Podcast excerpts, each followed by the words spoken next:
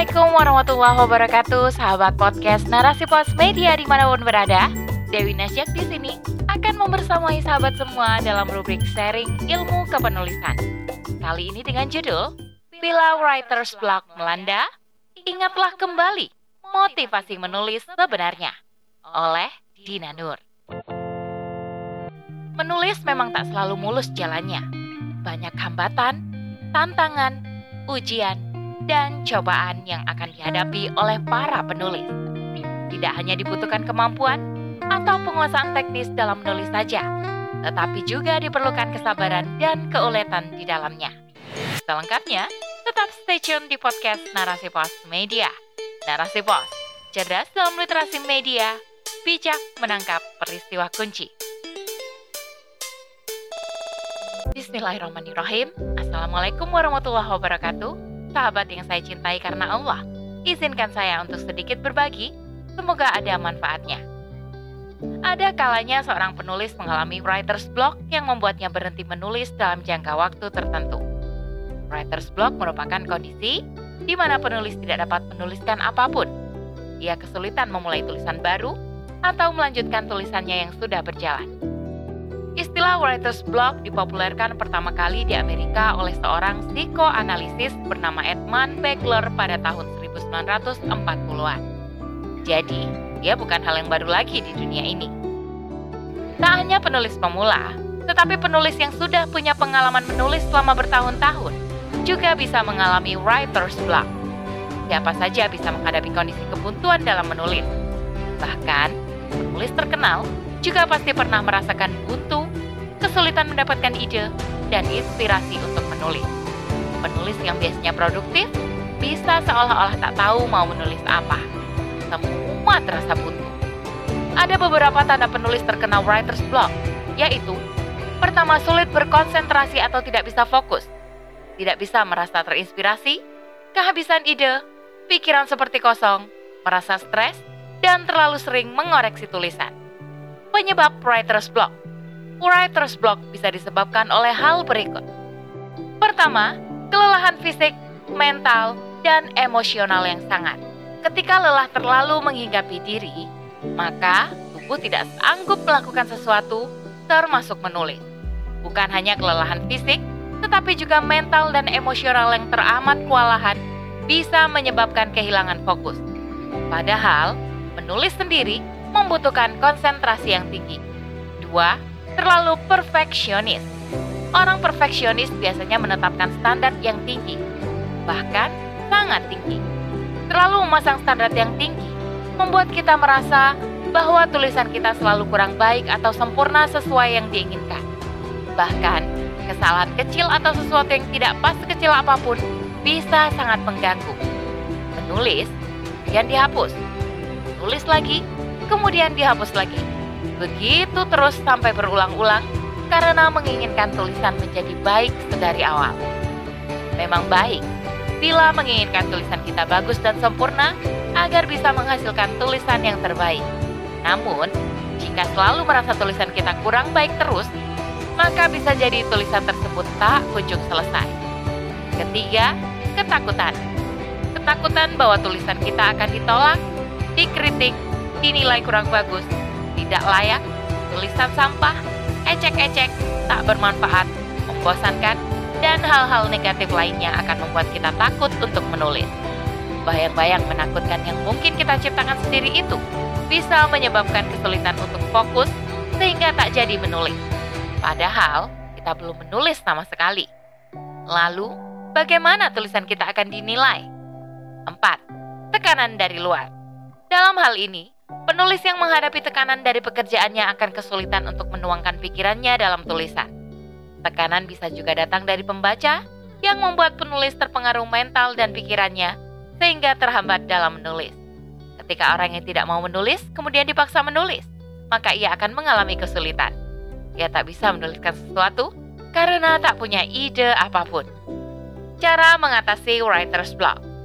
Ketika mengalami writer's block, kita bisa melakukan beberapa cara berikut ini.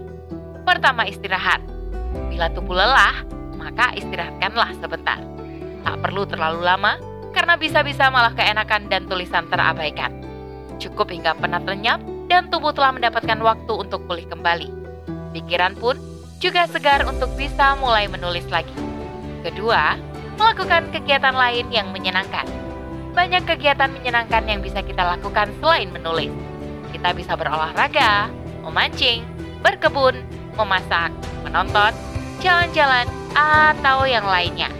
Dengan melakukan hobi yang kita sukai, hati senang, pikiran tenang, dan stres pun menghilang. Ketiga, membaca buku. Dengan membaca buku, kita bisa mengalihkan pikiran sebentar dari menulis. Membaca buku bisa membantu kita melakukan variasi dari rutinitas yang telah menyita tenaga dan pikiran kita. Rasa jenuh akan hilang, dan kita bisa menemukan ide-ide baru untuk menulis setelah membaca. Buku bisa memberi inspirasi bagi pembacanya. Tidak harus membaca buku dengan tema yang berat atau tebal halamannya, komik atau majalah pun bisa kita baca. Yang penting, sesuatu yang kita suka membacanya. Keempat, cari tempat dan waktu yang nyaman untuk menulis.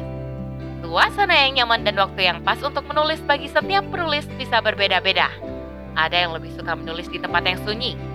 Ada yang lebih suka menulis harus di kamarnya sendiri. Ada orang yang bisa menulis di mana saja ia berada. Begitu ada ide ia bisa langsung menuliskannya. Ada penulis yang tipe morning person, lebih suka menulis di pagi hari. Dan ada yang dia tipe night owl atau lebih suka bekerja dan menulis di malam hari. Memilih tempat dan waktu yang nyaman bagi kita sangat penting, karena untuk menghindari diri dari hal-hal yang bisa mengganggu fokus. Begitu, akan sangat membantu dalam berkonsentrasi menyelesaikan tulisan. Hal yang biasa sering menjadi hal yang biasanya sering menjadi distraksi sekarang ini adalah telepon genggam kita. Selain manfaatnya yang banyak, gadget kita bisa membuat kita mudah terdistraksi. Awalnya scrolling di medsos untuk mencari inspirasi, Eh, justru malah keterusan melihat yang lain-lainnya. Jika hal seperti itu membuyarkan konsentrasi, maka jauhkan sementara waktu agar bisa fokus untuk menulis kembali. Kelima, menulis bebas. Lakukan free writing atau menulis bebas. Tulislah apa saja yang muncul di kepala secara bebas tanpa memikirkan apa pun. Dalam lima menit misalnya, cobalah menulis tanpa henti. Lakukan sebentar, UEB dan KBBI menulislah, seolah-olah sedang berbicara dengan sahabat dekat tanpa ada yang ditutup-tutupi. Keluarkan semua unek-unek kita tanpa ragu, tanpa malu, dan tanpa takut. Terus tuliskan ide-ide yang datang sebelum menghilang hingga stuck akhirnya. Menulis bebas bisa membantu melancarkan kembali aliran menulis yang sempat terhambat. Setelah membaca kembali tulisan hasil free writing kita, siapa tahu ada ide dan inspirasi yang bisa ditemukan. Keenam, menulis sesuatu yang lain. Bila kita buntu dengan tulisan yang sedang kita kerjakan, cobalah menulis dengan tema yang lain. Bila sudah jenuh dengan tema atau topik tersebut, tak usah dipaksakan, karena justru akan semakin menghambat. Cobalah menulis tema lain yang berbeda, yang lebih ringan, menyegarkan, atau menghibur seperti komedi misalnya. Gunanya untuk menghilangkan kejenuhan, sembari mencari inspirasi untuk melanjutkan tulisan yang sebelumnya. Ketujuh, membuat deadline. Tentukan batas waktu kapan tulisan kita sudah harus jadi. Ini agar kita tidak berleha-leha sehingga tulisan kita terbengkalai. Selain itu, juga untuk menghindarkan dari kemalasan dan menunda-nunda dalam menuntaskan tulisan. Kedelapan, mengupayakan kemajuan bukan kesempurnaan. Jangan pernah mengharapkan tulisan bisa sempurna dalam sekali coba. Ini karena menulis adalah sebuah proses yang terus berlangsung dari waktu ke waktu. Setiap penulis hebat pasti melewati prosesnya masing-masing. Tidak bisa ia langsung jago dalam menulis. Semua penulis bermula dari tidak bisa, belajar, mencoba, gagal, mencoba lagi, hingga bisa. Proses inilah yang tidak bisa dicuri dan dihilangkan. Proses akan selalu mengiringi perjalanan manusia dalam mencapai suatu tujuan. Seorang yang andal dalam hal apa pun termasuk menulis membutuhkan proses yang menempa kemampuannya. Jadi, tulislah sebaik mungkin sebisa kita. Jangan menghabiskan waktu terlalu berlebihan untuk sebuah tulisan. Yang penting tulisan tersebut telah melalui suasunting yang memadai sebelum kita keluarkan. Bila nanti ada kekurangan, bisa ditebus dengan karya berikutnya. Sembilan, ingat kembali motivasi menulis. Mengingat kembali motivasi dalam menulis bisa menjadi cara yang ampuh dalam membangkitkan semangat untuk menulis. Bagi Muslim, tentulah motivasi dalam melakukan suatu perbuatan atau aktivitas adalah untuk beribadah kepada Allah. Demikian halnya dengan penulis ideologis. Motivasi utama adalah untuk dakwah lillah. Menulis dalam rangka untuk mencerdaskan dan membangkitkan umat melawan narasi yang buruk terhadap Islam serta mendakwahkan Islam yang lurus.